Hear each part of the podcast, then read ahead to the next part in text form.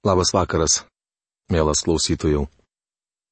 Šiandien toliau keliausime Biblijos puslapiais, Naujojų testamentu, nagrinėdami pirmą laišką tesalonikiečiams. Praėjusioje laidoje pradėjome antrojo skyriaus apžvalgą, kurio tema - Kristaus ateimas yra veiksminga viltis. Mes pradėjome nagrinėti temos dalį tikro Kristaus liudytojo motyvai ir metodai. Šiandien, po to, kai paprašysime Dievo palaiminimo mūsų laikui, priminimui aš perskaitysiu jau išnagrinėtas pirmasias dvi eilutes ir mes tęsime šios skyriaus apžvalgą.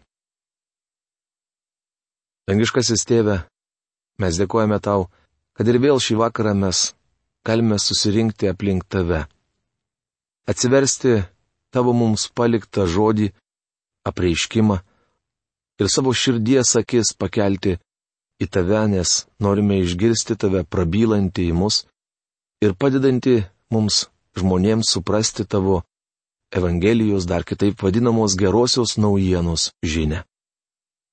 Prašom dangaus Dieve, kad tu padėtum mums suvokti visą tavo didybę, tavo šlovę, kuriai tu mus savo kūrinius sukūrėjai. Ir pamatyti viešpatę tą nuopolį, kuriame mes, žmonės ir visa kūrinyje šiandien gyvename.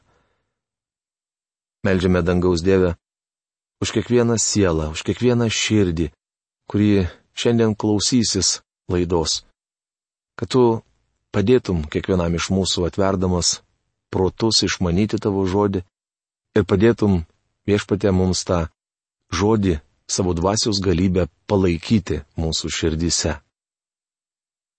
Dėkojame tau už šį vakarą ir prašom, kad išlietum savo dvasios ir palaimintum tą laiką. Jėzaus Kristaus vardu. Amen. Taigi tikro Kristaus liudytojo motyvai ir metodai. Jūs patys, broliai, žinote, kad mūsų apsilankimas pas jūs nebuvo bergžės. Prieš tai, kai patys žinote, nukentėję bei patyrę nuoskaudų Filipuose, pasitikėdami Dievu mes drąsiai skelbėme Dievo Evangeliją, nors kova buvo smarki. Tai pirmosios dvi pirmo laiško tesalonikiečiams antros skyriaus mūsų jau išnagrinėtos eilutės. Nuo trečios iki šeštos šios skyriaus eilutės Paulius rašo apie pamokslą, kurį skelbė Tesalonikoje, toliau apibūdina savo santykius su tesalonikiečiais. Septintoje eilutėje skaitome, kad jis guosdavo juos tarsi motina. Vienuoliktoje eilutėje rašoma, kad apaštalas buvo reiklus tarsi tėvas. O iš keturioliktos šios skyriaus eilutės sužinome, kad mesdamas tesalonikiečiams iššūkį, jis buvo tarsi brolis. Juk mūsų skelbimas plaukia ne iš klaidos, nei iš nedoro tikslo, nei iš klastingumo. Pirmas laiškas tesalonikiečiams antras skyrius, trečia eilutė. Klaida reiškia suklydimas. Pauliaus pamokslo turinys nebuvo suklastotas. Jo skelbiama Evangelija nebuvo atmiešta. Jis niekada nekeisdavo jos, turinio norėdamas įtikti skirtingom žmonių grupėms. Kai kurių tarnautojų elgesys man kelia nerima. Vienose vietose jie pamokslauja gerą, aiškę Evangelijos žinę, tačiau pasirodę ten, kur taip pat turėtų aiškiai skelbti Evangeliją, jie ima kalbėti miglotai. Apaštalas Paulius niekada taip nesielgė. Jo skelbimas plaukė ne iš klaidos. Paulius rašo, kad jis neturėjo nedorų tikslo. Tai reiškia, kad Paulius tai darė ne iš gopšumo.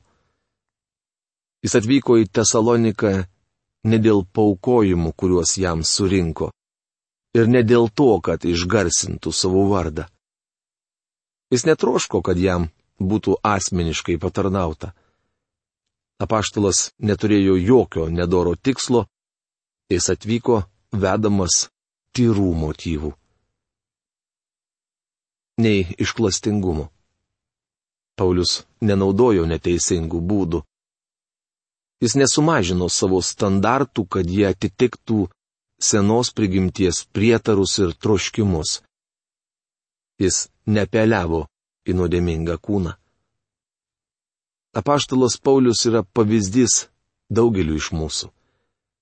Pažinojau vieną puikų pamokslininką, tačiau lioviausi šį žmogų gerbti. Jis grįžo į bažnyčią, kurioje anksčiau tarnavo pastoriumi, žinodamas, jog tuo metu kritikuojamas esamas pastorius. Ta žmogus aktyviai prisidėjo prie tos kritikos ir ją skatino. Paulius niekuomet nebūtų tai pasielgęs. Jis niekuomet neskelbė žmonėms Evangelijos išklastingumo.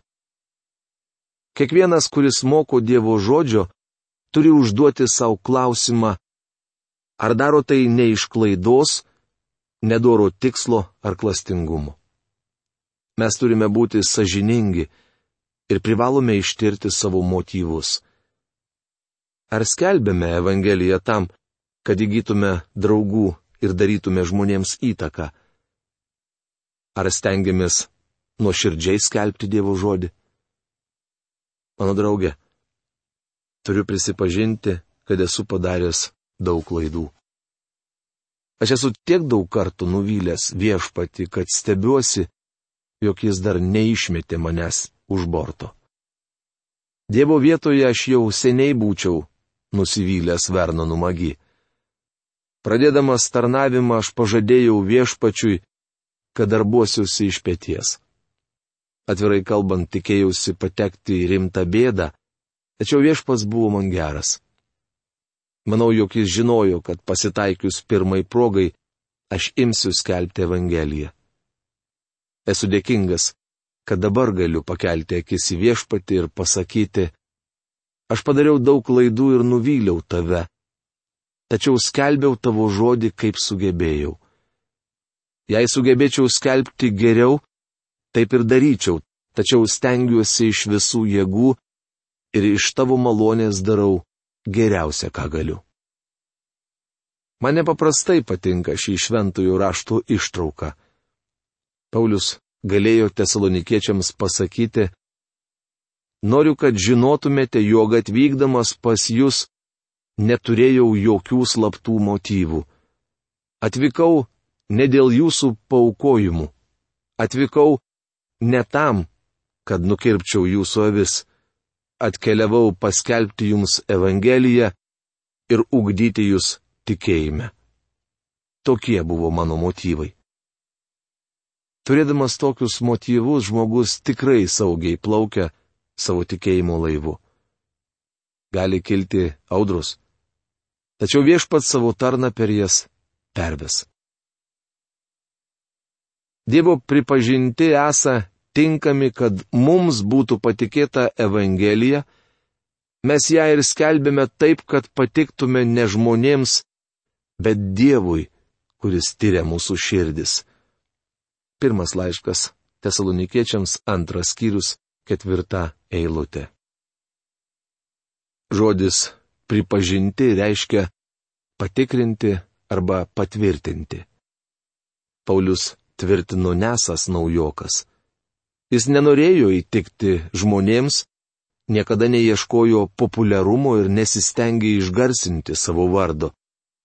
Pamokslaudamas Paulius kalbėjo ne tam, kad sužinotų žmonių nuomonę, bet tam, kad sužinotų, ką apie jį mano Dievas. Paulius niekuomet nesielgė negarbingai ar suktai.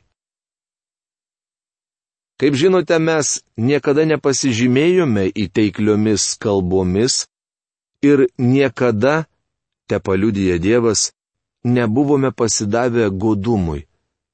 Pirmas laiškas tesalonikiečiams antras skyrius, penkta eilutė. apaštalas Paulius buvo gana atviras. Jis sako, kad niekada neketino pas juos atvykti norėdamas įsiteikti. Jis niekada nepataikavo turtingiems bažnyčios žmonėms ir nesistengė ne vienam meilikauti. Pataikavimas mus nuginkluoja, nes iš tiesų niekada nežinome, kaip į jį reaguoti. Kai žmonės mane kritikuoja, žinau, ką jiems atsakyti tačiau niekada nežinau, ką pasakyti, kai man pataikauja. Šekspyro dramos dvyliktoji naktis vienoje scenoje klaunas sako, Pone, jie mane giria ir iš manęs juokiasi. Priešaigi tiesiai man sako, jog esu kvailys. Taigi, ponė, iš savo priešų aš sužinau apie save daugiau, o draugai su manimi elgesi blogai kartais mūsų draugai gali būti pavojingesni už priešus. Apaštalas Paulius niekuomet nemeilikaudavo. Mūsų šalyje yra nemažai turtingų eilinių tikinčiųjų, kuriuos tikrąją to žodžio prasme valdo jiems pataikaujantį žmonės.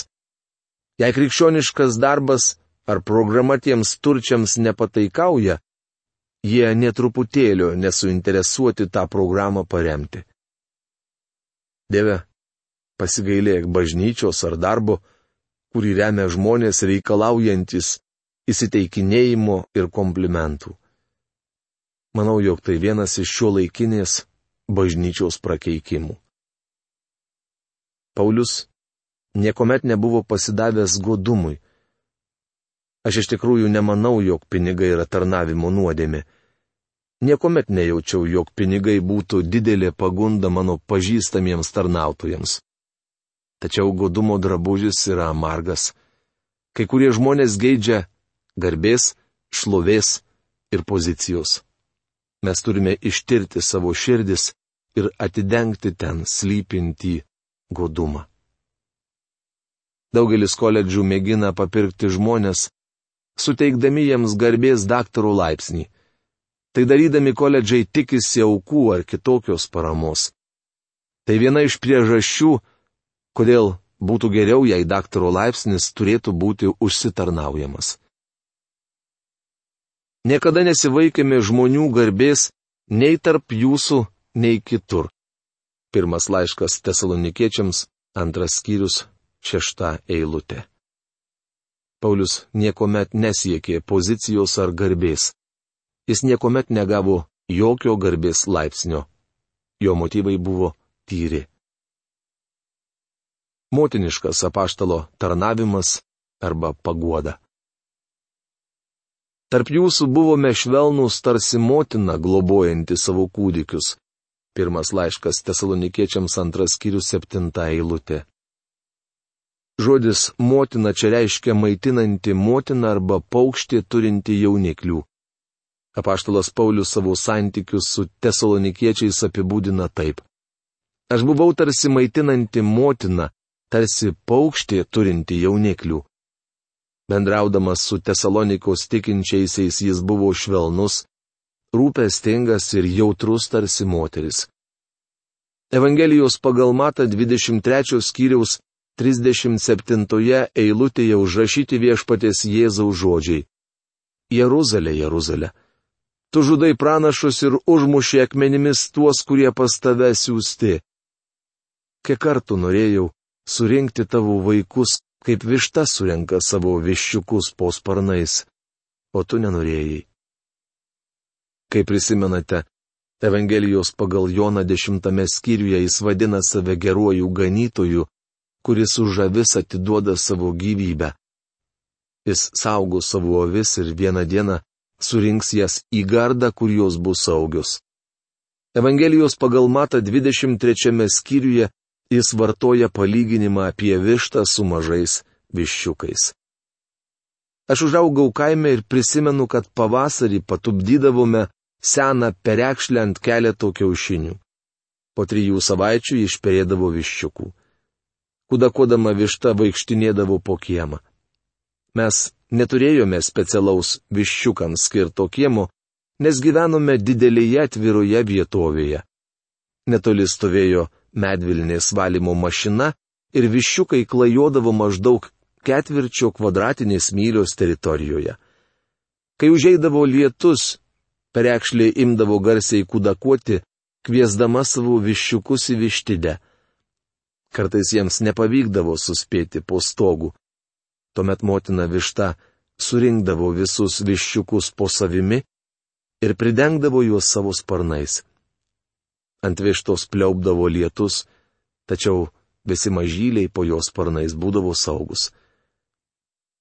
Viešpats Jėzus dažnai mums sako, ateikite po mano sparnais. Paulius buvo kaip tik toks tarnautojas. Jis mylėjo tesalonikiečius motinišką meilę. Jie buvo jam brangus. Ir šiandien yra tokių tarnautojų. Galbūt jie nėra labai puikūs Biblijos aiškintojai, tačiau tiki Dievo žodžiu ir jį pamokslauja. Tokie dievoti ir patyrę pastoriai gali konsultuoti žmonės, kuriems reikalinga pagalba. Mielas bičiuli, nebijokite atverti savo širdį tokiam žmogui ir leiskite, kad jis jums padėtų. Taip jūsų ilgėdamiesi troškome pasidalyti su jumis ne tik Dievo Evangeliją, bet ir savo gyvybę, nes tapote mums be galo brangus. Pirmas laiškas tesalonikiečiams antras skyrius, aštunta eilutė. Brangus reiškia mylimi. Paulius nuoširdžiai mylėjo tesalonikos tikinčiuosius ir tikrąją to žodžio prasme buvo pasiruošęs atiduoti už juos savo gyvybę. Jūs, broliai, atsimenate mūsų triūsą ir pastangas dirbdami per dienas ir naktis, kad neapsunkintume ne vieno jūsų, skelbėme jums Dievo Evangeliją. Pirmas laiškas tesalonikiečiams, antras skyrius, devinta eilutė. Pastangas, dirbdami per dienas ir naktis. Tai motinos darbas. Dažnai sakoma, vyras dirba nuo saulėtekio iki saulėlydžio, tačiau motinos darbas niekuomet nesibaigia motina tai neslaugė, kuriai už jos darbą mokama. Paulius tvirtina, jog jis nebuvo samdoma globotoja ar vaikų prižiūrėtojas, dirbantis nustatytas valandas. Ar esate girdėję apie motinų sąjungą, kuri iškėlė reikalavimą, kad motinos dirbtų tik 8 valandas per dieną? Ar pažįstate tokių motinų, kurios nuspaudžia laikrodžio skambutį ir nusisuka nuo savo verkiančių kūdikių, nes jų darbo diena baigėsi? Galbūt kai kurios motinos ir sugebės priimti panašų sąjungos susitarimą, tačiau nemanau, jog tikros motinos to norėtų. Motinos triūsia dieną ir naktį. Naujojoje Anglijoje gyveno dvi merginos. Jos kartu dirbo medvilnės verpimo fabrike. Viena iš jų metė darbą ir draugės nesimatė keletą metų. Vieną dieną jos susitiko gatvėje ir mergina, tebe dirbanti fabrike, pasiteiravo. Ką dabar veiki? Ar vis dar dirbi? Kita atsakė, ne, aš nedirbu, ištekėjau. Turiu ne tik vyrą, bet ir mažą berniuką. Keliuosi trečią nakties ir maitinu kūdikį. Po to keliuosi anksti ryte, ruošiu pusryčius ir pietų savo vyrui. Visą dieną rūpinuosi kūdikiu, o vakare ruošiu vyrui vakarienę. Pirmoji mergina sušuko. Prisimenu, kaip dirbdama fabrike žvilgčioje į laikrodį. Kai tik penktą valandą sušvilpdavo švilpukas, tavęs nelikdavo nei kvapo. Jaunoji mama paaiškino. Dabar jau nebežiūriu į laikrodį. Dirbu daugiau valandų. Tačiau iš tiesų tai nėra vien darbas. Tos moters motyvas buvo meilė, todėl tai netrodė kaip varginantis darbas. Apaštalas Paulius mylėjo tesalonikiečius ir darbavosi dėl jų dieną naktį. Kartu mano bažnyčios narys paprašė manęs aplankyti vieną žmogų. Jis pareiškė, jums moka, kad tai darytumėte. Ar žinote, ką jam atsakiau? Jūs pats jį aplankykite. Matote, jums už tą darbą nemoka ir galbūt jūs jį atliksite geriau nei aš. Mes neturime daryti viešpaties darbo dėl to, kad mums už tai moka. Bijau, kad pastačiau jį į nepatogią padėtį. Jis pats privalėjo aplankyti tą žmogų ir galiu pasakyti, jog niekuomet daugiau manęs to nebeprašė. Mes turime rūpintis vienas kitų švelniai, kaip motina. Paulius taip ir elgesi. Kita mūsų laida mes pradėsime nagrinėdami temą tėviškas apaštalo tarnavimas arba reikalavimas. O šios dienos laidos laikas baigėsi. Iki greito susitikimo. Sudė.